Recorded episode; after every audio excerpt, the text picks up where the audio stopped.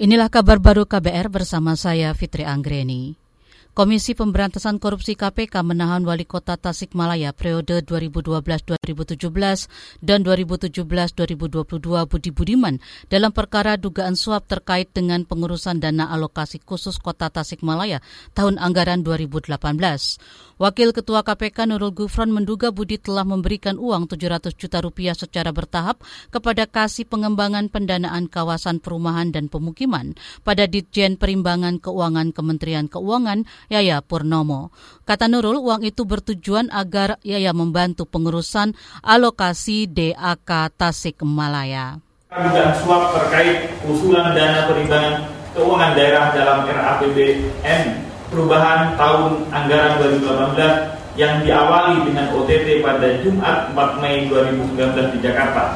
Dalam kegiatan tangkap tangan ini, KPK mengamankan uang 400 juta awalnya ya, dan juga sejauh ini telah menetapkan enam orang tersangka. Wakil Ketua KPK Nurul Gufron menyebut enam orang tersangka dalam kasus ini di antaranya anggota Komisi Keuangan DPR RI Amin Santono, pihak swasta Eka Kamaludin, Kasih Pengembangan Pendanaan Kawasan Perumahan dan Pemukiman pada Ditjen Perimbangan Keuangan Kementerian Keuangan Yaya Purnomo dan pihak swasta Ahmad Gias setelah difonis bersalah Majelis Hakim di Pengadilan Tipikor. Budi ditetapkan tersangka sejak April 2019 lalu, namun dia baru ditahan sejak 23 Oktober hingga 11 Oktober di rutan KPK. Budi disangka melanggar Undang-Undang Tipikor. Lembaga Perkumpulan untuk Pemilu dan Demokrasi perlu menyoroti penanganan sengketa pencalonan kepala daerah oleh Badan Pengawas Pemilu Bawaslu, terutama terkait masa tunggu eks terpidana korupsi yang mendaftarkan diri sebagai calon kepala daerah.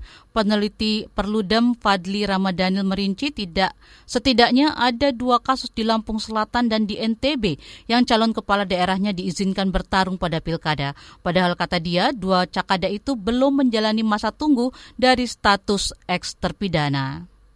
Itu proses uh, eh, GR uh, eh, pasal 7 ya, pasal 7 ayat 2 huruf G uh, Undang-Undang Nomor 10 tahun 2016 yang pada intinya adalah meminta kepada Mahkamah Konstitusi untuk memberikan uh, tafsir baru terkait dengan uh, syarat bagi mantan terpidana untuk mengajukan diri atau mencalonkan kembali sebagai kepala daerah.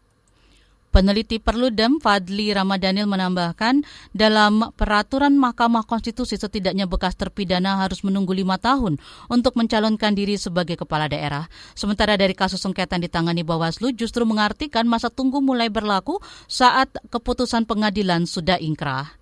Kita ke berita olahraga, Habib Nurmago Medov memenangi pertarungan UFC 254 melawan Justin Gaethje di Abu Dhabi, Uni Emirat Arab minggu kemarin. Khabib menang di ronde kedua lewat teknik submission atau kuncian di leher Gaethje.